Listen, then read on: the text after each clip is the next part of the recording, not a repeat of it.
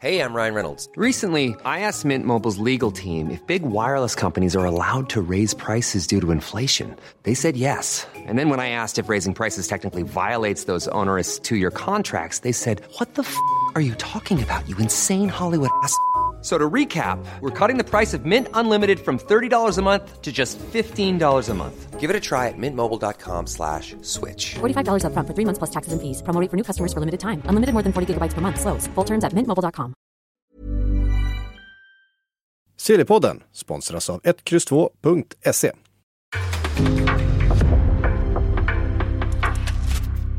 En podcast från Aftonbladet. In the supermarket, you have eggs class 1, class 2, class 3. And some are more expensive than others, and some give you better omelets.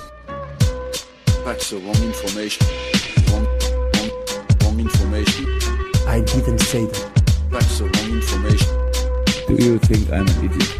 Wrong, wrong, wrong information. Now look at me when I talk to you. Your job is to tell the truth. That's the wrong information.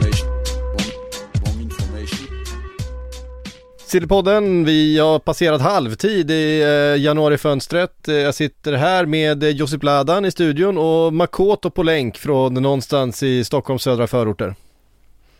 Precis. Japp. Stämmer bra. Vi har eh, lite, lite matnyttigt att gå igenom eh, den här tisdagen skulle jag påstå. Eh, Di Marzio kastar Mm. vi oss rätt in i. Han dyker ju upp i alla sådana här avsnitt. Eh, Fiorentina eh, inställda på att inte sälja Vlahovic i vinterfönstret. Eh, nu, eh, nu snörper Arsenal-supporterna på munnen. Eh, jag kan höra dem ute i landet men eh, så säger Di Marzio. Ja, så säger Di Marzio och eh, ja, eh, kredibiliteten, det finns väl ingen anledning att ifrågasätta liksom när det kommer till Di Marzio och att han brukar ha koll. Men är det något som är säkert kring Vlahovic så är det väl i så fall att ingenting är säkert. Det är liksom, ja, eh, alltså det är väl klart, jag har inte intentionen av att lämna min arbetsgivare heller, men det kan ju hända saker imorgon som gör så att jag måste eller liksom sådana saker. Så att det finns ju liksom, det, det finns så mycket där bakom också och det handlar väl också om att Fiorentina vill väl skicka ett budskap om att vi ska inte liksom lägga oss lätt och vi ska inte vi, vi kommer vara svåra att förhandla med så det är väl mer bara eh, den typen av, av promotion man vill göra också, vilket är förståeligt. Men kommer det, kommer det ett bud i den prisklassen som det har snackats om kring Vlahovic så, så har jag svårt att se att de skulle leka, liksom, spela svåra eller någonting sånt. De behöver ju ändå pengarna liksom, det är inte det är ju inte, vad heter det, inte guld och gröna skogar i Florens i Nej och, och de har ju redan värvat ersättaren. Precis. som. Precis. Ja, fast de sa ju tydligt att det inte ska vara en ersättare, det ska vara ett Jo, jo. komplement snarare. Och samtidigt, det var, det var ju många, många reagerade ju igår när Vlahovic gjorde mål och eh, där efter matchen då sträckte upp händerna mot fansen lite ungefär som att vi hörs. Eh, men, Äl- jag det- älskar men, de här övertolkningarna. ja, ja, men det var ju att han bad ju om ursäkt för att han hade bränt en Panenka-straff tidigare i matchen. Ja, det, det ska Eh. man be om ursäkt för. Ja, Det finns, definitivt. fan inget mer pinsamt än att bränna en Panenka.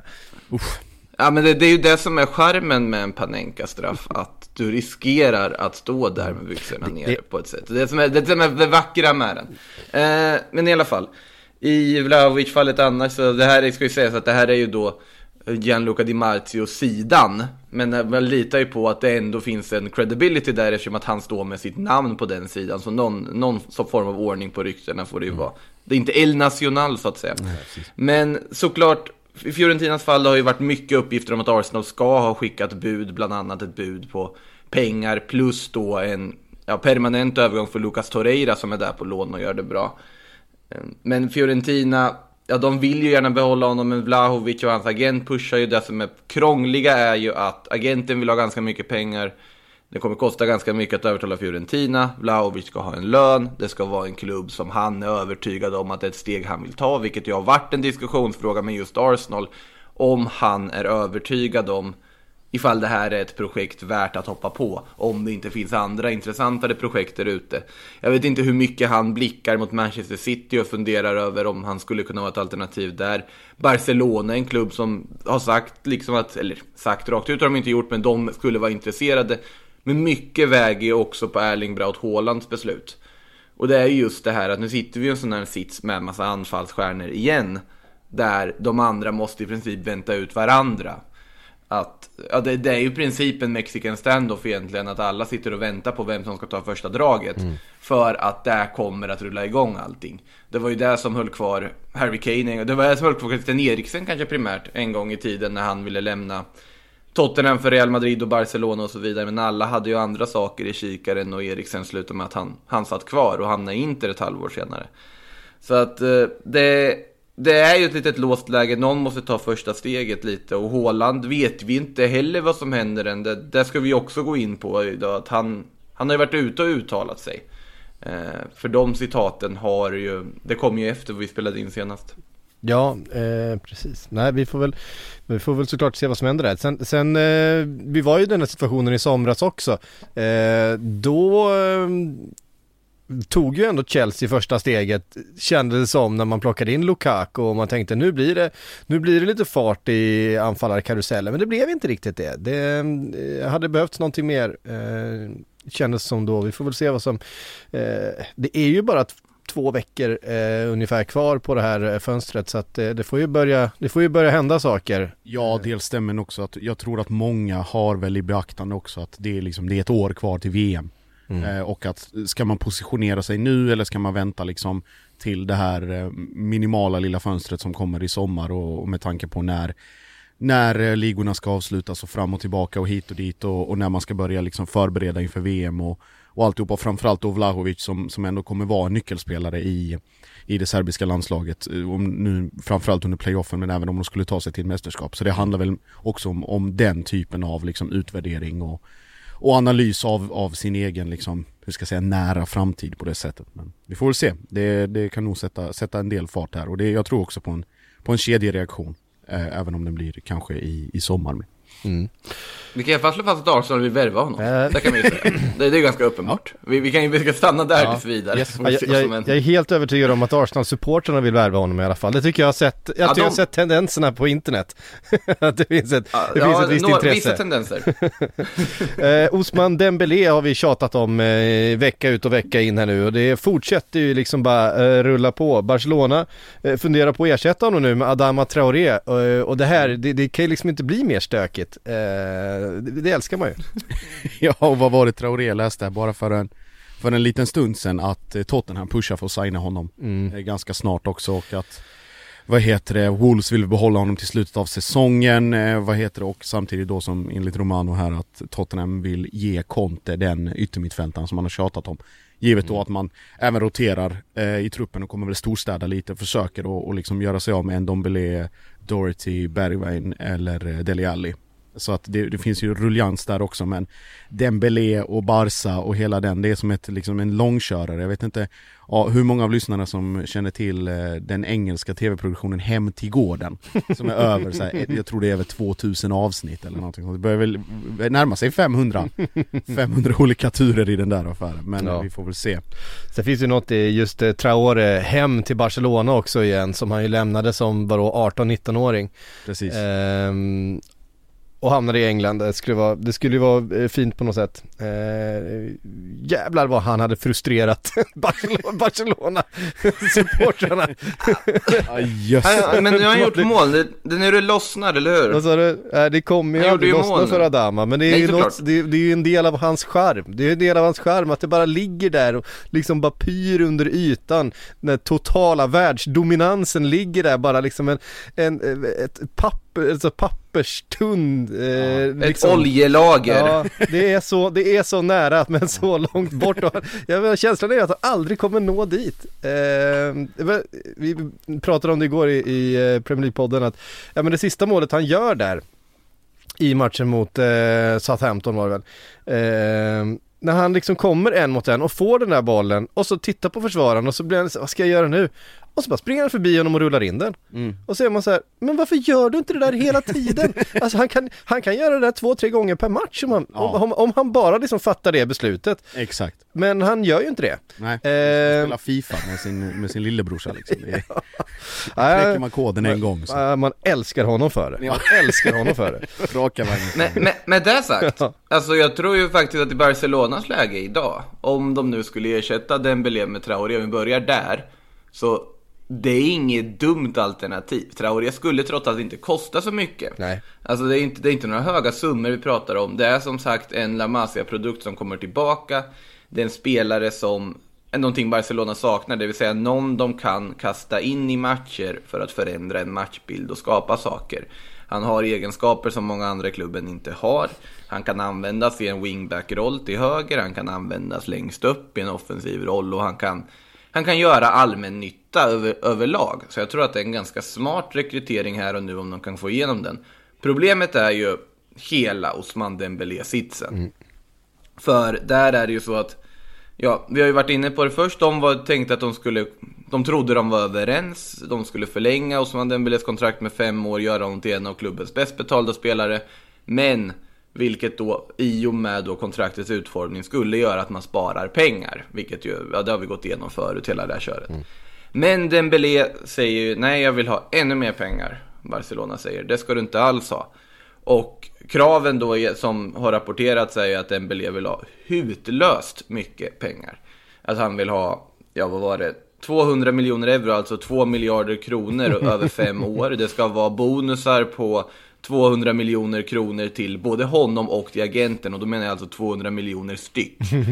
eh, och då, Ba- Ba- Barcelona är liksom inte ens nära, det, det finns inte ens på kartan att kunna ge de lönerna som det pratas om.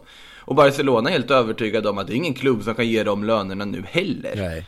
Eh, men, men jag vet inte riktigt vad det är, vad det Inte till de Dembélé håller i alla fall. Exakt. Inte till honom, av alla spelare som finns där.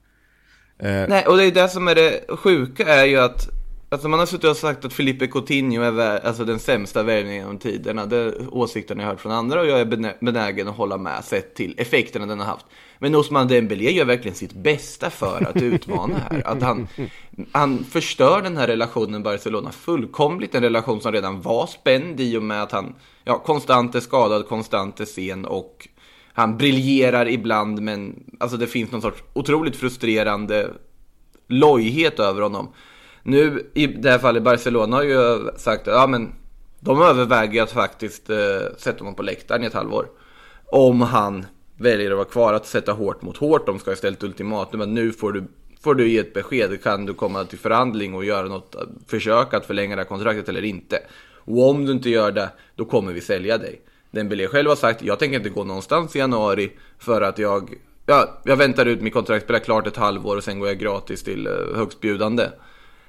Men Barcelona kommer ju sätta honom på läktaren, men det verkar som att Dembélé inte är så orolig för det, för att VM i Qatar är ju först på hösten. Precis. Så att han hinner ju gå till en ny klubb, få speltid och komma, komma in i en sån trupp. Precis. Och då- Men, och Barcelona verkar ju sitta och också... tron i Katalonien är ju att han sitter på någon form av agreement. Att han har en deal klar ifall det skiter sig med typ United eller med Juventus. Eh, har ju varit prat om att han ska ha erbjudits rakt ut till både United och Newcastle också att värva redan nu i vinter. Exakt. Så att det är, en, ja, det är en otroligt stökig sits, men det är ju, om man tänker deadline day och att vi ska ha roligt på deadline day, då är det ju Osman Dembélé som är det stora hoppet, att han sitter där och vi inte vet vad som händer med honom sista 24 timmarna. Hoppas han, då kommer det bli underhållande. Hoppas han dyker upp på någon sån, gör en PNR och bara dyker upp någonstans och säger Hej, här är jag. Ska jag skriva på. det hade varit, det hade varit eh, också väldigt, eh, väldigt mycket Dembélé med tanke på hur det har Men han hade ju dykt upp klockan ett på natten när fönstret var stängt. Just det. Han bara, just det, jag vet inte vilken tid vi gick efter. Klassiker. Klassiker. Ja, han är, han är speciell. Eh, vi nämnde Tottenham eh, nyss. Eh, är ju i, har ju varit eh, under ett par veckor eh, i, jag vet inte om de är i någon slags samtal, men i alla fall har visat intresse för, för Adama Traoré. Och jag tror ju att ett, ett okej bud så släpper Wolves för att han är inte helt ordinarie i den startelvan. Han, han glider lite i, i, ut och in. Han, han gjorde sitt första mål som sagt för, för säsongen. Vilket, är, vilket är helt fantastiskt. Jag vet inte hur många bollar han har haft i virket däremot. Det känns som att han har ett skott i stolpen eller ribban varje match. Ja, i snitt Eh, 90. Ja, men, men det är ju det där att han är, han är 99% Bäst i världen. bäst i världen. Men, men den där lilla sista procenten gör honom eh, så, så eh, inte alls där. Eh, kanske kan Conte få, få ur det. Det är ju det liksom så här, det är ju en sån värvning med, med förhoppningen om att ja, det kan lossna, det kan bli ja men Salah eh, lämnar Roma, kommer till Liverpool och bara fattar något, någonting bara trillar ner. Mm. Och alla kan ju se det. Eh, så att jag fattar ju verkligen att, att Tottenham-supporterna sitter och, och hoppas att den här affären ska bli av. I alla fall några, jag har sett några som har varit lite skeptiska också, för han har ju fått några chanser på sig. Han är ändå inte så gammal, eh, Traoré ju. Han, det känns som att han har varit med hur länge som helst, men vad är han, typ 25-26? Ja, något åt det hållet. Men det är också med, med Tottenham är ju också den balansen att Ja, vi kan erbjuda dig en optimal miljö för att liksom starta om eller för att liksom kräma ur den sista liksom lilla grejen som fattas. Men då ska det också vara, i Tottenhams fall som det alltid handlar om, eh, för rätt pengar. Att det kan bli liksom eh, Levi och hela ledningen med, av principiella skäl, att, att de vägrar gå ner några miljoner pund. Eller om Wolves vägrar liksom eh, kompensera eller kompromissa på något sätt att det bara, nej men då, då skiter vi i det och så handlar det egentligen om i sammanhanget eh, relativa småsummor. Så det är också en, en aspekt som man, man ska ha med sig. Men det är som du säger, under Conte, eh, under Tottenham och liksom miljöombyte med allt vad det innebär. Det är alltså Wolverhampton som, som stad i all ära men det är kanske lite sexigare att spela i London och med, med hela den, eh, med allt vad det innebär. Men eh, ja, återstår att se. Det är helt klart att, att det finns någonting där. Sen är det ju Sen är det ju en lång bit kvar till det blir konkret. På, ta- på tal om konkret, eh, Everton. Jösses! Vad där händer. Där vet, man, där vet ingen vad som händer för att allt händer och ingenting samtidigt. Och vi pratar om... Alltså innan, Ja, ja, säg sig.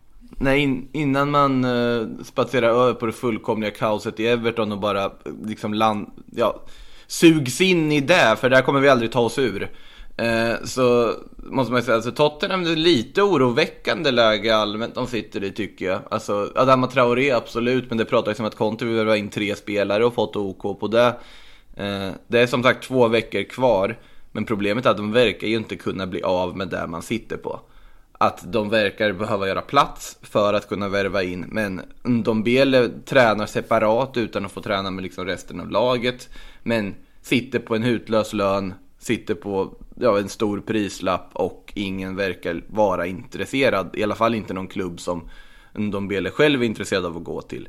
Dele Alli har jag inte hört mycket om överhuvudtaget det här fönstret. Det är väl få, det är ju inte PSG som är ute efter honom i det här fönstret om vi säger så. Eh, Bergevin är väl den som är mest på något sätt konkret med att Ajax verkar väldigt tydligt jaga honom. Särskilt nu när de blivit av med David Neres till eh, Shakhtar. Också en lite överraskande övergång att han går till ukrainska ligan istället för en, någon stor liga som man kanske trodde att han skulle göra en gång i tiden. Men eh, ja, som Tottenham-fan skulle jag vara lite orolig alltså. I läget som är just nu, att, de in, att det inte händer någonting. Någon första liksom steg, någonting måste ju börja ske nu. Om de ska få några värvningar i det här fönstret. Ja det, det, det är som sagt, tiden börjar, tiden börjar rinna ut. ehm, eh, Eh, för framförallt de här lite större affärerna eh, och permanenta övergångar och så vidare. En lånedeal och så vidare kan ju gå ganska snabbt men en eh, permanent övergång på en spelare med, med mycket olika rättigheter och olika sponsorskap knutna till sig. Det kan, det kan ju ta lite tid att sy ihop alla, alla trådar. Ehm, en Dombele försöker de ju bli av med som sagt. Tränar separat. Det är ju... Jag får bara flashbacks till, eh, Netflix-serien Sunderland till I die. Deras extrema eh, Dels eh, enorma stress eh, Deadline day, man bara liksom ser dem och springer ut och in. För er som inte har sett den, se den, den är absolut, eh, absolut sevärd. Och de springer in och ut ur, ur rum och det är telefoner och det smälls i dörrar och skriks och hela grejen. Men också med eh, Får hjälpa mig med namnet här, men den här eh, extremt övervärderade spelaren som som har satt på någon sån här superlön och Sunderland blödde pengar och inte, alltså vägra gå ner. Ni får hj- hjälpa mig med namnet men det är lite samma sits liksom. Helt Ja, jag kommer inte ihåg vem det var struntar faktiskt. I, struntar i allt. Ja, just det. Just det. ja, men, ja, det är så roligt i den serien när de sitter där. Ja, vi har fem dagar kvar av fönstret. Och så ser man en så här whiteboard bara. Ja, vi behöver tio namn. Bara, ja, det här kommer gå bra. Vad ska ni lösa det här? Hur har ni planerat det här fönstret? Jag fråga. Eh, ja, där tror vi inte att eh, Tottenham kommer, eh, kommer hamna i alla fall. Men eh, en Dombele vill de ju bli av med. Det är ju inget snack om den saken. Eh, Robin Olsen förväntas presenteras för Villa idag. Eh, Var han på läktaren och fick se eh, Martinez blunder i, i helgen? Ja, Bra fråga. Mm, mycket bra fråga. Men det är väl, Å andra sidan Martinez är svårpetad. Ja, Han är ju det är- faktiskt en, en, en riktigt fin målvakt. Ja men också, alltså det, även, om, även om speltiden kanske inte blir optimal så är det fortfarande ett steg upp från Sheffield till, till Villa. Och jag menar, jag tror ingen av oss tre hade tackat nej till att vara andra fiol i ett Premier League-lag. Då hade man nu suttit med mått ganska okej. Ja, fast, fast menar, vi hade inte tackat nej, men frågan är vad en svensk landslagsmålvakt. Alltså, det är, så, det är så tråkigt tycker jag. Jag vet att jag var inne på det här nu när Sheffield, alltså Aston Villa-ryktet kom upp också. Han gick till Sheffield United för att det var garanterad speltid. Och ett halvår senare ska han nu gå på ett likadant lån som han gick till Everton. Med siktet att, ja men jag kan få en kuppmatch. Jag kan konkurrera och få en bra träningsmiljö. Eh, jag förstår inte varför det inte lossnar för Robin Olsen att han bara får den här liksom, förtroendet i en klubb. Som, som han ändå förtjänar. Alltså, när han gick till Roma så var han ju utav första målvakt när han kom dit. Och det är ju där det har liksom skurit sig att han fortfarande tillhör Roma. Men eh, är det en konstig sits och det är konstigt när han liksom får hoppa runt på det här sättet han just nu gör. Det, det är inte bra för någon. Eh, får hoppas att han får, får lugn och ro och stabilitet och trivs i Aston Villa. Eh, det är ju en klubb som satsar verkligen och det är en spännande miljö. Men som sagt, Emi Martinez är ju såklart första val. Definitivt. På tal om eh, Martinez. Vilken segway in till Everton och Roberto Martinez. Eh, Åh, Circus Everton. Alltså det är helt overkligt vad de håller på med på den sidan Merseyside. Det, det är här- helt sanslöst. Lyssna på det här. Det är alltså eh, om eh, ungefär, ja vad var det? det var, eh, nu minns jag inte exakt datumet, men om typ två månader. Så är det alltså sexårsdagen sedan det, det var sittstrejk för att få Roberto Martinez sparkad från Everton. Alltså Everton-supporternas sittstrejk för att få Roberto Martinez sparkad sex år senare. Tillbaka. Vem, Ja, det är så sanslöst. Alltså jag, åh. Ja, det, det, det, det, nej, det, det får inte bli så. Man kan inte gå tillbaks till gamla sparkade tränare. Jag tycker inte att det, när har det funkat? När har det funkat bra? När man, när man tar... Carlo Ancelotti. Ja men det är också Ja, Eller Ancelotti. det vet vi inte än. Det vet vi inte än. Nej. Det, det är så också svårt att jämföra Ancelotti med Martinez. Men Ja, det är samtidigt- också svårt att jämföra Real Madrid med Everton.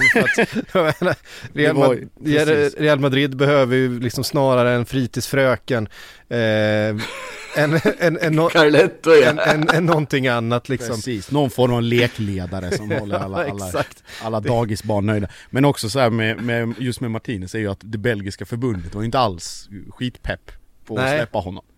Och bara säga, Vilket jag också tycker är lite konstigt, men han har inte direkt levererat super för Belgien eller? Alltså med det... Alltså med de det är väl nöjda med honom? Vad sa du? Alltså, spelarna tycker jag, de är nöjda med honom och spelarna tycker om honom i Belgien. Ja. Men sen samtidigt såklart resultaten, alltså det beror ju lite på vilka krav man ställer. Den här gyllene generationen i Belgien har inte vunnit titlar. Nej. Nej. Så enkelt är det ju. Exakt. Och det tycker jag egentligen borde vara ett krav, men jag vet inte om det belgiska fotbollsförbundet har riktigt den, Nej. den målbilden att det är det som ska vara kra- kravet. Eh, att de inte vill tappa Roberto Martinez som de har valt att satsa på inför ett VM i Qatar. Att de inte vill att han ska ha två, ja, två grejer på bordet under hela våren. Det kan jag ju förstå, för det är ju där det skulle handla om i det här fallet. Att han då kanske skulle vilja kombinera ett Everton interimlösning. För det är en interimlösning som Everton vill ta in honom på, det ska sägas. De vill ha honom som interim resten av säsongen. Att de, han, han själv skulle kunna tänka sig kombinera det med ganska lugnt liksom landslagsvår. Men Belgien tittar ju på sitt VM som väntar. Såklart. Och då har inte de lust att deras förbundskapten, som de har valt, att leda dem i nästa VM. Det är mycket väl att de kan kicka honom efter det VMet, det vet vi inte. Men de har ändå valt den vägen, de vill inte ändra på den nu. Så jag förstår ju att de är tveksamma och de fattar väl också att Everton är en desperat sits. Så att, Ja. ja, nej jag, jag förstår Belgien att de inte vill, är intresserade. Nej, det är dags för uh, Thierry att steppa in, känns det som. Om, om det skulle bli... Ja, men han ska ju med. Ja, han han, ska- ska... ju med. han, han, hänger med till Everton. Ja, det, det var väl krav från Ja, just eh, Martinez också. Just det. Mäktig! det var, jag garvade, det var riktigt kul när, när eh, det här official statement kom från Everton liksom så här, Thank you eh, Thank you eh, Rafa Benitez for everything och så liksom började massa Liverpool-supportrar gå in och säga bara Thank you agent Rafa Ja for... fast de sa ju aldrig 'thank you for everything' de Nej. sa, ju, de sa ju bara 'Rafa har slutat' Ja. det var, Det roliga var ju Rafas egna meddelande. Vad man skickade ut som hade noll, noll liksom självinsikt och noll så här fundering på att jag har misslyckats. Utan det var mer, nej vi hade lite dåliga marginaler och svaga resultat som gjorde att jag inte kunde fortsätta det här projektet. eller fick inte fortsätta det här projektet. Nej, det, det, det ligger väl mycket i det, men undrar varför ni fick dåliga resultat. eh, ja, eh, Roberto Martinez i alla fall, han kommer väl alltid bli ihågkommen som eh, förbundskaptenen som slarvade bort Fellainis peak. Jag skojar. Ovärd. Eh, vad gör Fellaini förresten? Jag vet inte varför jag kommer att tänka Han på är- honom. Det var kombinationen Belgien och Everton där som... Eh, Ja, men han ryktas ju faktiskt vara på väg tillbaks till Europa. han är i Kina va? Stack inte han, Ja, stack han inte han har till Kina? Eh, Jo, jo, han har varit i Kina. Han spelade i Shandong Taishan Ja. i Kina. Ja du ser. Eh, vet inte hur mycket det säger er. Ja, han har Men gjort... han har ju faktiskt varit på, giss- gissa vilken klubbs radar han har varit på, det borde inte, borde inte vara så svårt. Nej, det är Newcastle. Såklart det. eh, Fy fan. Om tar de, tar de in Fellaini då kommer jag, ja, men då, då, kom, då kommer jag köpa en Newcastle halsduk alltså. Nej, det är så mäktigt. Eh, ja, men alltså vilket det, jävla nu, konstprojekt. nu ska ju sägas att, eh, nu ska det ju sägas också att ehm, eh, det, det här är ju Sport Bible som har den här rubriken. Men Newcastle to target former Manchester United star Marwan Fellaini as ideal man to build team around. Ideal man. har ingen sagt någonsin. Men han ska, ändå, han ska ändå ha det, alltså 22, 22 baljor på 53 matcher för eh, Shandong Luneng här, så att det är ju en stark, starka papper Ja. faktiskt. Finns det statistik på hur många spräckta, eh, spräckta ögonbryn han har delat ut Det- med, med sina armbågar på, Förefaller oklart. på, samma, på samma tid? Ja, nej det är en ehm, eh, en speciell spelare såklart. Ehm, vi, eh, vi kan väl stanna till lite vid, vid Newcastle då. Som ju befinner sig på mittbacksjakt. Diego Carlos närmar sig eller eh, har fått bud nekat på eh, Bediachile. Säger man så? Ba- Badiachile. Badiachile. Mm. Ehm, nej, alltså det jag tycker som sagt, jag har varit inne på det tidigare, att det är ju väldigt bra namn de går för. Men det är också namn som kommer kosta. Det sägs ju ändå att de ska vara ganska övertygade om att de kan lösa Diego Carlos. Och det i sig hade ju varit en supervärvning. Nu ska jag säga att Diego Carlos har inte varit i närheten lika bra som han var 2019 när han var typ La Ligas bästa mittback. Men det är fortfarande en fruktansvärt bra mittback. Det är fortfarande en mittback som är från av en kaliber som Newcastle, ett Newcastle som inte har Saudi-pengar inte skulle ens vara nära att kunna plocka. Um, ja, jag gillar tanken på att locka in honom om de liksom får Sevilla att sälja. Men det är ju Monchi du ska förhandla med och han vill ju säkert ta in en ersättare då. För att Diego Carlos Condé har ju bildat mittbackspar där i flera år nu. Och Sevilla slåss om ligatitlar de slåss om. Ja, inte i kuppen och mer, men de slåss i alla fall om andra titlar också. Så att, eh, men Newcastle kan vara lite, ganska övertygade om de ska kunna lösa det här om de pungar ut rätt summa pengar. Och då tycker jag att det är en, alltså en no-brainer att värva in honom. Sen vet man ju inte, det är ju alltid det här. Flytten från La Liga till Premier League eller vice versa, flytten från Premier League till La Liga. Vad gör den för en mittback? Eh, Nu tror jag att Diego Carlos egenskaper borde lämpa sig ganska väl även i Premier League. Och eh, det var ju ändå på tal ganska länge om ja, stora flytter med stora pengar till Premier League när han var som bäst. Så att, eh, nej, de måste ju få in en mittback i alla fall, det kan vi konstatera. Och de verkar ju ganska desperata att få in, någon, få in någon också. Och då är det väl med nästa match i sikte då, för eftersom att de löste Chris Wood inför den förra så måste de väl lösa mittbacksfrågan till nästa. Just det. Ehm, Men Diego Carlos tycker jag är väl ett eh, utmärkt val nu när Sven Bottman gick ju inte. Vad verkar ha varit det stora första valet just. Uh, Lills unge nederländske back. Men Lill är inte så sugna på att eh, sälja för no- någon form av rimlig peng i det här fönstret. Vilket jag förstår dem att de inte vill heller. Nej. Eh, Christian Eriksen hörde ni, eh, har erbjudit ett halvårskontrakt av Brentford hem till danskkolonin Brentford. Eh, en trygg miljö för eh, Eriksen att eh, kanske få, få igång en eh, karriär igen då efter eh, problemen och, och ja han dog ju faktiskt eh, under några minuter kom det fram i en, eh, en intervju han gjorde för någon vecka sedan eller två. Ja, var det en dansk tv va? Ja, jag tror det. Ja. Ehm, och det hade ju varit, tycker jag, som, eh, som Premier League eh, kul att se honom i England igen. Mm. Och det är framförallt alltså, som man säger en, en mjuk start tillbaka och det är Mm.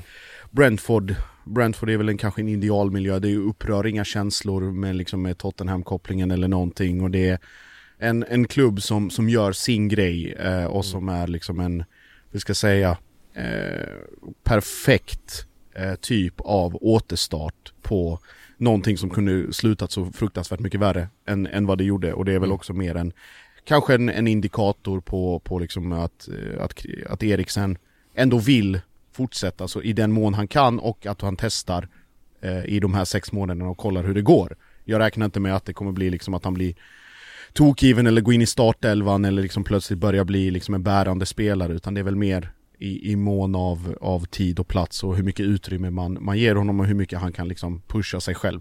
Så det är väl mest bara ett, ett glädjebesked att han är överhuvudtaget tillbaka på, på planen. Pratades ju om, om Ajax, pratades om en eventuell återkomst till, till Danmark också, eh, till Odense, eh, där det en gång började men eh, Ja, de här, eh, de här, eller det här kontraktet om det blir av eller de här sex månaderna kommer väl också på något sätt också definiera eh, vart det här tar vägen. Men eh, absolut en, en, ett rimligt val och ett välkommet, eh, ett välkommet val på många sätt. Ska ju finnas en eh, option där på ett ytterligare års förlängning. Det är ju Athletic som har rapporterat det här att han ska få ett eh, erbjudet ett halvårsavtal av Brentford. Det sägs ju även att Brighton ska vara intresserade att plocka in honom. Eh, sen är det ju så här, Eriksen, ja nu, nu har han ju hållit igång i just Odense där ett tag mot tränat och så vidare. Är ju uppenbart att han vill tillbaka till fotbollen och ge det en chans. Men ja, han bröt ju kontrakt med Italien för att de i ja, italienska fotbollsförbundet tillåter inte inbyggda liksom hjärtdefibrillatorer heter det. Mm. Ja. Eh, och det, det måste han ju ha nu efter, efter det som hände, det otäcka som hände i somras. Så att eh, jag tycker också Brentford låter som en jättebra match för alla parter och vi vet ju vilken fruktansvärt bra fotbollsspelare det är. Jag tror ju att det här kommer ju, om han hittar tillbaka till formen, om allting funkar och så vidare och han är sig, sig själv igen, då kommer han vara enormt betydelsefull för Brentford under det här halvåret. För han är ju för bra för en sån klubb egentligen. Precis. Så äh, det blir, eh, nej det känns som en ganska bra match för alla parter. Han får fortfarande spela på en hög nivå. Ska säga att Premier League är ju, det är ju en hög nivå verkligen. Så att såklart det kommer finnas en viss press ändå, men han vill nog inte heller bara gå bort i glömska och spela i någon, någonstans där man aldrig hört talas om. Utan han vill nog, om man ska tillbaka så vill han ju till de stora scenerna. Och då är Brentford ett bra steg på den vägen. Absolut. Facts or wrong information. Sillypodden är den här veckan sponsrad utav 1X2.se och med såklart har vi Andreas Nord. Hur mår du då? Jag mår bara bra. Kolla mycket fotboll här i helgen. Jag misstänker att du också kanske har slängt ett öga. Ja, det blev ju inte minst eh, aktuellt ur ett Silly-fokus när eh, Filipe Coutinho kommer in och avgör för eh, Aston Villa och räddar poäng där mot Manchester United och vi har ju sett Chris Wood gå in för Newcastle och, Mm. och fler spelare som har flyttat på sig under januarifönstret så det gäller att hålla koll. Ja, det gör det verkligen. Och vill man hålla riktigt bra koll då, Patrik, då kan man gå in på twitch.tv slash 1X2SC nu på onsdag, start 17.30. Då kommer vi nämligen tugga lite live där, 1X2-gänget. Så det kan jag rekommendera. Då får man lite pinfärska speltips från oss. Just det, har du något eh, speltips för oss här idag då?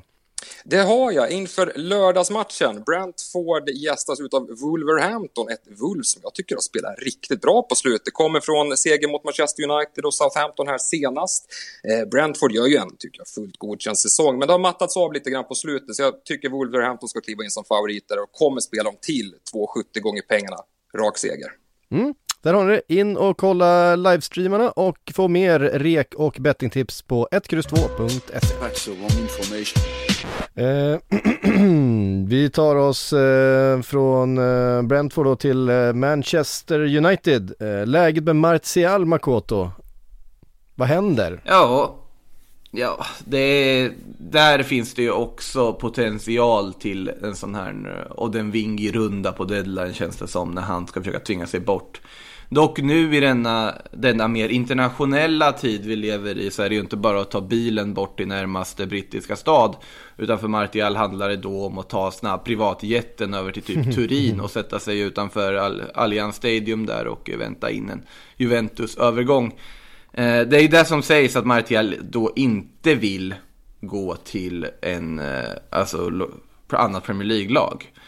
Eh, det har ju dykt upp uppgifter om att ja, Newcastle har dykt upp uppgifter om naturligtvis har varit intresserade, vilket de har varit av samtliga spelare som överhuvudtaget har varit aktuella för en transfer. Eh, men intressant nog så sägs det att även Tottenham ska ha kontaktat United om Martial, men Martial ska ha sagt nej där också. Eh, hade väl att han skulle väl bli en andra fiol då på, på något vis med, så jag kan förstå honom. Men att han vill utomlands, och då är det ju klubbar som Juventus, Barcelona och Sevilla vi pratar om. Jag tror fortfarande att han hade varit en fantastisk värvning för Sevilla. Jag tror i och för sig att han hade varit ett väldigt bra alternativ för Juventus. Och jag tror till och med att han hade varit en väldigt bra lösning för Barcelona. För att det är en spelare som har en väldigt hög spets. Det har vi sett i United. Om han får en nytändning, en ny miljö, då tror jag det kan bli kanonbra. Eh, men det är ju infekterat där nu på att Ralf Rangnick går ut och säger att nej, han ville inte spela den här matchen och Martial själv Oklart vem det är som har rätt i fallet, men Martial har ju själv gått ut och sagt att jag skulle aldrig säga nej till att spela för Manchester United om jag fick frågan. Ehm, så att det verkar ju varit någon missförstånd eller språkförbistring eller vad det nu kan ha varit som har föranlett den här kontroversen efter Aston Villa-matchen. Så, men alltså såklart att det känns som man kommer röra på sig. Det är ju helt uppenbart tycker jag i det här läget. Men det är ju United vill ha full lön betald. Mm. De vill också ha en hyra för honom, en avgift. Eh, och det är inte lätt att få ihop. Vi har ju kommit till läget i fotbollsvärlden nu där det inte bara handlar om att ja, vi kan inte få en transfersumma, vi måste låna honom. Nej, det är till och med svårt att låna ut en spelare med full lön och, eh, och dessutom en avgift på det, hur bra spelaren än är. Eh, så att det är, det är ett svårt läge för United kan inte bara ge bort honom, han är för bra för det och de har ingen anledning att göra det. Så att, men samtidigt, klubbar som Juventus och Barcelona, de kommer ju inte vilja betala full lön och betala en hyra för honom. Så att, eh, nej det är ett eh, låst läge. Men det känns som att alltså, Martial själv så får man ju hoppas att han får igenom en flytt till slut. För det är ingen som tjänar på att han sitter där och är missnöjd. Eh, nej, eh, så är det ju. Å andra sidan eh, måste ju inte Manchester United göra någonting om de inte vill. Nej, de, eh, Nej, de har ju det mandatet så att säga. Ja. eh, mer Manchester United. Eh, enligt Athletic så har man eh, placerat Jude Bellingham högst på listan till sommaren. Eh, och det är ju någonting de delar med, med Liverpool. Ja, det är såklart. Eh, fan! Såklart. Bort det, med tassarna, det, säger jag. Det är också, vad heter Bellingham, det är också det som kan avskräcka Eh, Eh, jag tror, alltså, kanske inte Bellingham specifikt, men folk i hans omgivning och hela den diskussionen är väl också hur man hanterade Sancho. Eller hur man hanterar honom as we speak, liksom med hela, hela den infasningen och återanpassningen och liksom vilken roll ska han ha, hur mycket liksom ska man bygga spel kring honom, om man överhuvudtaget ska göra det och så vidare. Så att, och just då kopplingen till, till Dortmund och den skolningen som man fick, fick där. Eh, vågar man göra, eller vill man göra samma sak med, med Bellingham? Mm, det är också en fråga. Så där har nog Liverpool eh, lite bättre läge att, att förhandla och kan säkert använda det som, som argument ifall det skulle bli skarpt läge. Men alltså hur han, vad de gör i Tyskland och hur Dortmund ser ut och, och framförallt vad Marco Rose fortsätter att göra, liksom att, att lyckas få in så pass bra spel och fortsätta bygga vidare på det, det Dortmund gör. Det är, det är imponerande, det är verkligen hatten av på, på alla sätt. Verkligen. Och återigen här så beror ju mycket på Erling Braut Haaland. Ja, som eh, alltid. Eh, för att Ja, det, det, han, han sitter där med massa trumfkort på hand, Haaland, just nu i alla möjliga sammanhang. För att Dortmund kommer inte vilja släppa Bellingham och Haaland på en sommar. Nej, inte en chans. Det är inte otänkbart Aldrig. att Haaland stannar en säsong till och då kommer nog folk pusha på Bellingham. Och då kommer det ju vara ja, Liverpool. United kommer ju kopplas ihop med honom, men grejen med United där, och det är väl det som var liksom andemeningen i den här ganska läsvärda texten från The Athletic om, om just Uniteds mittfältposition, är ju att de är ju väldigt svaga på att genomföra januarivärvningar.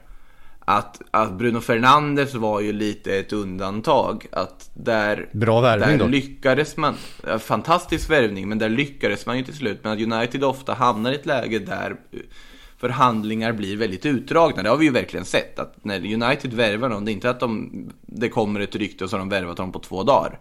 Utan där är det, det ska budas hit och dit, det ska vara uppgifter hit och dit, det ska förhandlas hit och dit och sen så får de igenom övergången. Och det kan man ju tolka som att United planerar sina övergångar på ett väldigt bra sätt, eller ska man tolka det som att de inte är handlingskraftiga nog. Eh, och det är väl snarare det senare man kommer in på här, att United, även om de kanske vill ha en januarivärvning, så har de väldigt svårt att lösa någonting snabbt. Alltså Amadou Haidara pratade vi om innan fönstret öppnade. Att Ralf Rangnick har gett ett OK till att värva som han skulle vara intresserad av att få in. Eh, Leipzigs eh, tvåvägsmittfältare som just nu är iväg på landslagsuppdrag med Mali. Men, men United är inte bra på att få igenom de här januariövergångarna för att det dröjer och de här absoluta toppnamnen. Bellingham är ju helt, utan det finns inte i januari. Declan Rice finns inte i januari. Så att om de ska värva någonting nu så är det ju från en annan hylla och bara för att få in mer kraft. Men samtidigt, de har en väldigt bred trupp som det är. De måste väl kanske bli av med någonting också. De måste bli av I med en fall. hel, hel startelva tänkte jag säga. Ja, och de har ju dessutom målat in sig i det här hörnet med Ralf Rangnick för han ska ju då bara vara där till sommaren och sen ska det in någon ny och då är det ju med all sannolikhet Pochettino då som ska in. Ehm, Du, du, du, du tror det med all Nej, sannolikhet? med all sannolikhet är fel, men jag tror att det, är mycket, det finns mycket som talar för, för Pochettino eh, i alla fall, till sommaren då. Och då ska Ralf Rangnick vara kvar som någon slags konsult, ska han då eh, börja bygga ett lag åt Pochettino redan nu i januari? Eh, vem vet? Vi, vi vet ju att Manchester City agerade ju så, där värvade man ju spelare med vetskapen om att eh, Guardiola skulle komma in. Jag vet att Raheem Sterling var ju en sån spelare som Guardiola, när han var tränare för Bayern München, hade instruerat Manchester City att värva så att han fanns där när han kom. Han ställer alltså krav på att de ska spendera en massa miljoner när han inte ens är i klubben fortfarande, Ja. Guardiola. Det är intressant. Ja men de visste, han Eh. visste att han skulle dit. Eh, långt före han hade lämnat eh, Bayern, Ja, Bayern. München.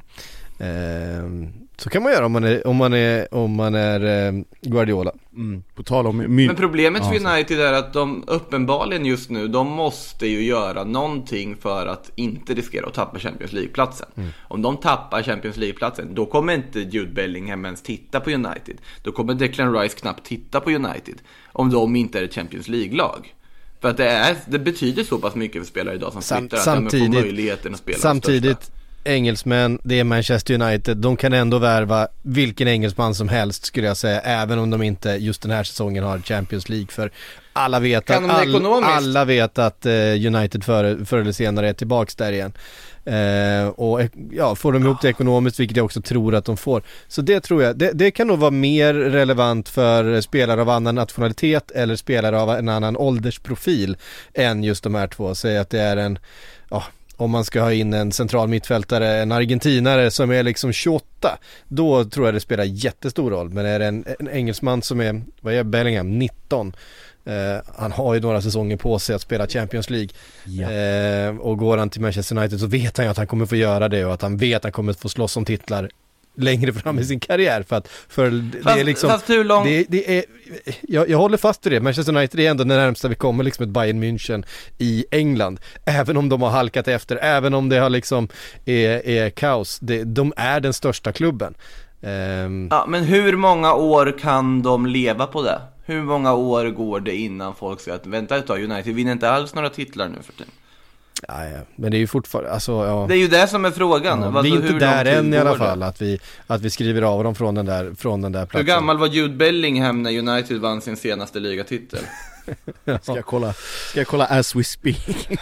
Ja, det var, det Ja, var väl alltså, sista, det- ni sista säsongen menar. med, med eh, Alex Ferguson. Det var alltså 2014 kanske? 13? 14. Ja, då, om det var Och 14 Bellingham är född på 00-talet. Ja, han är född 03. Och då tar vi Han är lite född snabb 03, matte. så han var väl typ eh, 9-10 bast då liksom. exakt. Men det är ändå sådär, alltså det är Manchester United och det är, det är, det är engelsmän. Eh, jag, jag, det, det är jag inte lika bekymrad över, men däremot tror jag kanske eventuellt situationen för eh, med Jadon Sancho kan avskräcka lite grann just här och nu, om man säger så. Mm, precis. Skitsamma. Jadon Sancho som gjort färre poäng än Felipe Coutinho i Premier League. Ja, det är så mäktigt.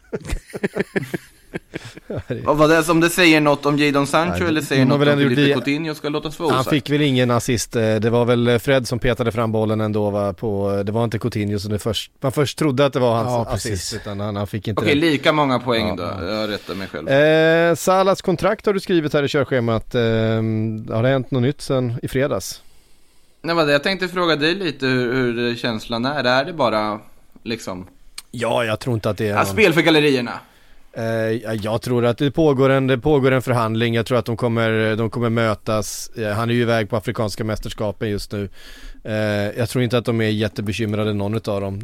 Det, det är en förhandling som ska, som ska drivas igenom. Jag är fortfarande rätt så rätt så säker på att Salah kommer skriva på den där förlängningen.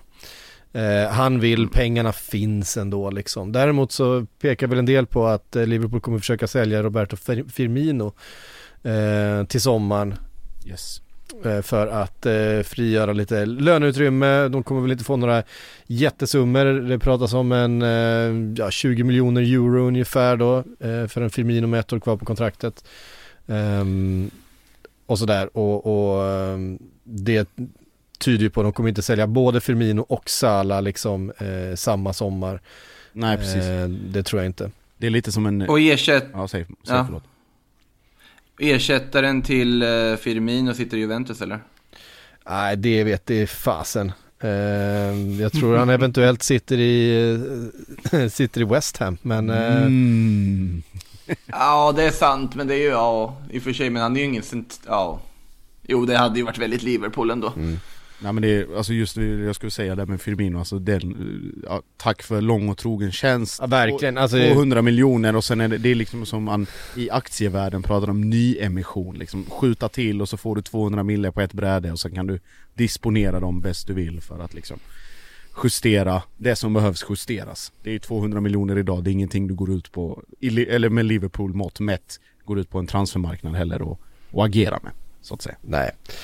Eh, nej, så är det ju, så är det ju onekligen och, och jag menar, det, jag, jag tror inte det finns någon spelare i, i hela den här truppen eh, i Liverpool som jag, som jag älskar mer än Roberto Firmino. Eh, han, är, han är så fantastisk. Eh, det, det är klart att han inte är vår bästa fotbollsspelare, men som personlighet så så är han värd så otroligt mycket mer och det är bara det man ser på resten av laget när Firmino gör mål så blir alla lite extra glada. Det är liksom hela läktaren blir lite extra glad och spelarna blir lite extra glada och Klopp blir lite, han är så liksom, det, det, det är en sån spelare som alla bara kan samlas runt. eh, Ja. För att han är Inga divalater, inga liksom, helt osjälvisk, är precis lika glad för alla andras skull. Det är liksom, Ja. Minamino gör, gör mål nu i helgen.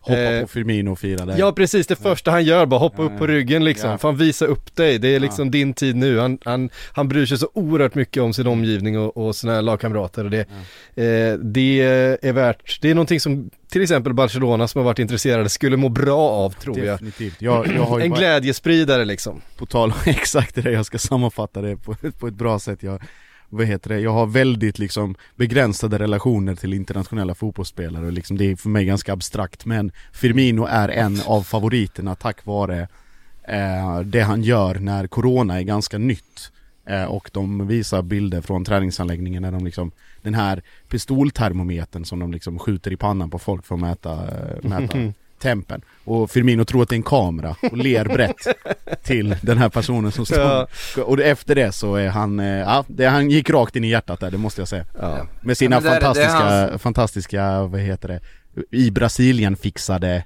eh, tänder där också Lekta som Ja men det var det jag skulle säga, det är ju de där tänderna som lyser som en fyr för alla Mm. att komma och liksom samlas kring och glädjas runt. Det är ju det, är ju det det är också. Men jag tycker, Det är ju en del. påminner lite grann om så här Santi Cazorla i, i eh, eh, Arsenal en gång i tiden. Det var liksom bara en spelare som alla bara tyckte så mycket om. Man bara blir glad ja, av att se man blev bara glad av att se liksom. Precis Ehm, vi eh, ska svara på lite frågor också. Eh, vi har fått en från Hej, jag heter Tom. Eh, han skriver så här. Partey mot Arthur. Eh, Arthur skulle bli årets sämsta affär, korrekt? ja, alltså- det har ju, har ju potential att bli. Men varför skulle, Nej, alltså men- Arsenal skulle, kan ju inte göra sig av med Partey nu. Nej nej nej, nej nej men det, är ju, det här är ju vad som sägs vara Juventus krav. Ja. och det, det är något av det, det mest verklighetsfrånvända och roligaste jag sett. Att, alltså Artur vill ju bort, Mm. eh, Arsenal vill ha Artur, Artur vill till Arsenal, det verkar vara all, all, allmänt ömsesidigt på den fronten. Och de är överens om att ett lån på ett halvår, men det blir väl bra. Ska Arsenal titta på andra namn till sommaren.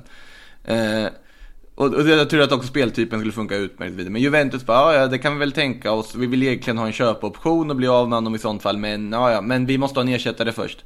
Och då tänker Juventus att, men här har vi en bra idé. För här slår vi två flugor med en smäll. Eh, men om vi kan få Thomas Partey i utbyte då? Och har liksom inte riktigt förstått meningen med att Arsenal letar mittfältare. Har inte riktigt förstått att Thomas Partey faktiskt inte är en flopp i Arsenal utan den de vill bygga någon och ha någon bredvid. Eh, och det är en sån otrolig... Antingen så är det deras sätt att säga rör inte Artur. Eller så har de totalt inte förstått läget i Arsenal och varför överhuvudtaget Artur är på tapeten. Så att det är så fruktansvärt underhållande att de har lagt det här motbudet om det nu stämmer. Det är ändå Sky som har skrivit det borta i Italien. Så att det, det är ofantligt roligt och det finns ju inte på kartan att Arsenal skulle tacka ja till det här och det hade antagligen blivit årets sämsta affär. Inte för Juventus, de hade ju skrattat hela vägen till de har ju fått beskåda Partey göra sitt där på plan och konstatera att det här var jättebra för oss. Så att eh, för Arsenal hade det absolut varit årets sämsta affär, men det kommer ju, kan ju inte ske. Hoppas jag. Nej, nej herregud. Eh, det, vore, det vore vansinne. Eh, eh, Pågenlimpan skriver, tror ni Danielsson blir kvar nu i Kina när hans lag åkt ner i andra divisionen? Inte en chans, varken han eller Sam Larsson tror jag.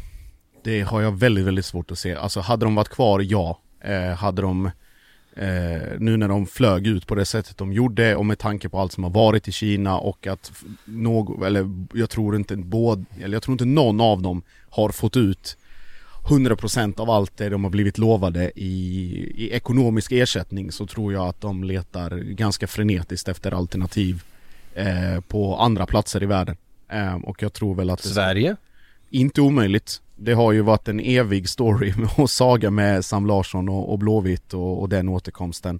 Eh, Danielsson har ju till och med öppet tränat med Djurgården när han har varit hemma eh, och hållit igång där liksom för att, för att eh, inte bli helt, hur ska jag säga, karantänförtappad. Så det är väl absolut ingen omöjlighet. Däremot tror jag att båda kanske har lite, lite högre ambitioner eh, än att komma hem till allsvenskan i det här läget. Skulle inget annat dyka upp, absolut, men kan det komma någon, någon mellanklubb någonstans i Holland, Tyskland, eh, vad vet jag, någon andra liga någonstans så tar de väl hellre det och försöker då göra det bästa av det. Det är ändå, alltså Sams situation är en eh, men Danielsson vill ju liksom spela och behålla sin, sin mittbacksplats i, i landslaget också så att mm. Kommer ni ihåg när han ryktades till Liverpool?